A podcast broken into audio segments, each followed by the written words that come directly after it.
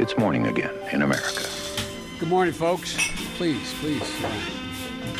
Come on, let's go. Let's go get some coffee. Thank you very much. Det er torsdag 12. april, og morgenkaffen fra amerikanskpolitikk.no er servert. Speaker of the House Paul Ryan kunngjorde i går at han trekker seg etter denne perioden.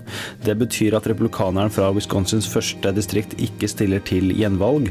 Ryan er jo da lederen i Representantenes hus. Han er kun 48 år gammel. Han var Mitt Romneys visepresidentkandidat i 2012, og har lenge vært omtalt som et stjerneskudd og en kommende president en dag. Han sa selv at han en dag kanskje kan være ambassadør til Irland, men begrunner eh, avskjeden med at han ønsker å tilbringe mer tid med sine tre barn, som i stor grad kun har sett han i helger når han ikke har vært i Washington.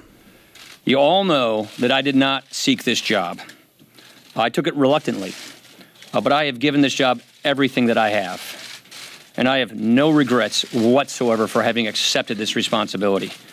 This has been one of the two greatest honors of my life. The job provides incredible opportunities.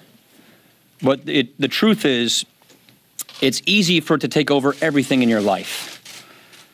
And you can't just let that happen. Because there are other things in life that can be fleeting as well.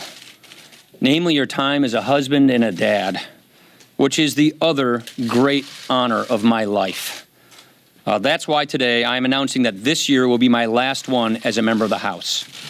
Uh, to be clear, I am not resigning. I intend to full my served term as I was elected to do.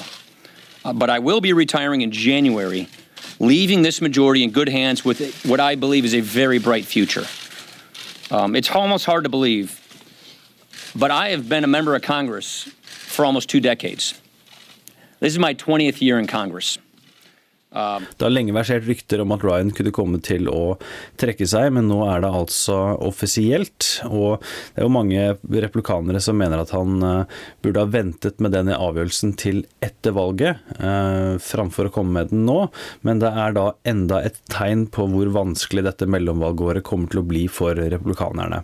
De har flertallet i Representantenes hus, de har 23 seter flere enn demokratene, men det er da faktisk 39 republikanere, inkludert Ryan, som i år avstår fra å ta gjenvalg.